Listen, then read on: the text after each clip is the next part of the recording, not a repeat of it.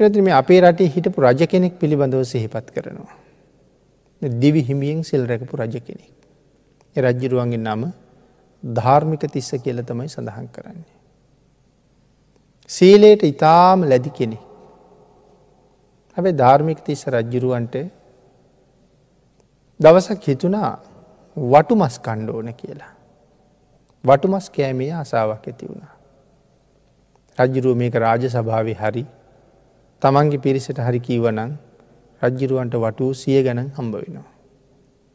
අප රජ්ජිරුව එහෙම කැමති නෑ. රජ්ජිරෝ දන්නවා කියපු ගමන් මං වෙනුවෙන් වටුව මරලගේ නවා කියලා. එතකොට රජ්ජිරුව වෙනුවෙන්නේ ඒ වටුව මැරෙන්නේ. එහින්ද රජ්ජිරුව කැමතිනෑ එහෙම වෙනවට. ඒක හින්ද වටුමස් ඕන බව කාටවත් කියන්න පුළුවන්කමක් නෑ.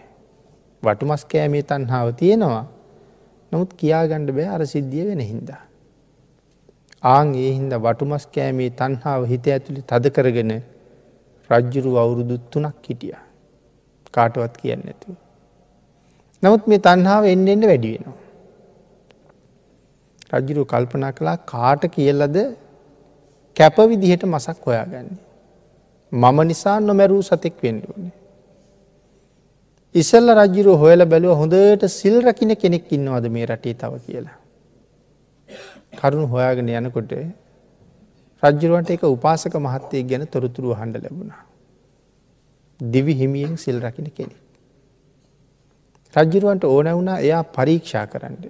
මේ කාරණාවෙන් අපිට පේනවා රජ්ජුරුව කොච්චර සීලයට ගරු කරනවාද කියලා.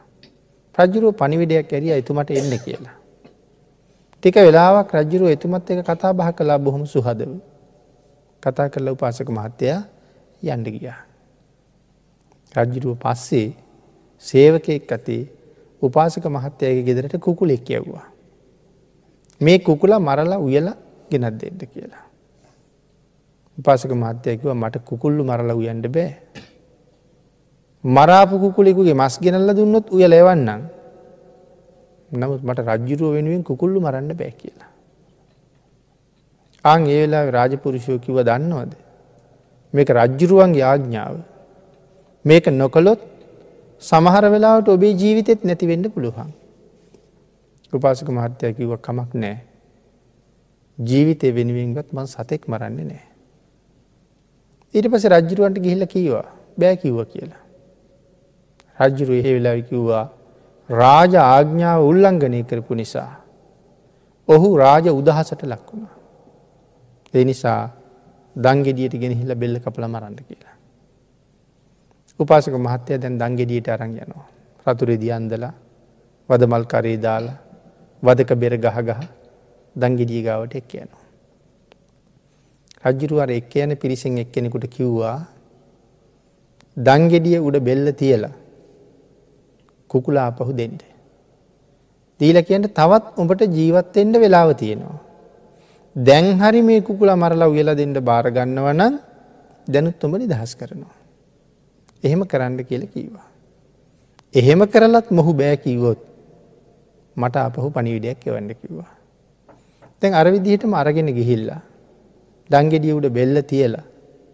වදකයත් කඩුව අමෝරගෙන ඉන්න තැන රාජපුරුෂයක් ගිහිල කුකුලෙක් දීල කිව්වා. දැනුත් ඔඹට ජීවිතය බේර ගණ්ඩ ඉඩ තියෙනවා. මොකද කියන්න කියලා. උපාසක මහත්තය නැවත දංගෙඩියෙන් බෙල්ල අරගෙන නැගිට්ටා. නැගිටලක් කුකුලත් ඉල්ලගත්තා. පිරිස බලාගෙන හිටිය මොනව කරයිද කියලා. මෙය හොඳට කුකුලගැන් අතගාල ඔළුවත් අතගාල කුකුලට කිව්වා කුකුලගේ ජීවිතයන බෙල්ල කැපිල මැරෙන්ට තියෙන්නේ උඹේ ජීවිතය මට දියන් මගේ ජීවිතය උඹ ගනි.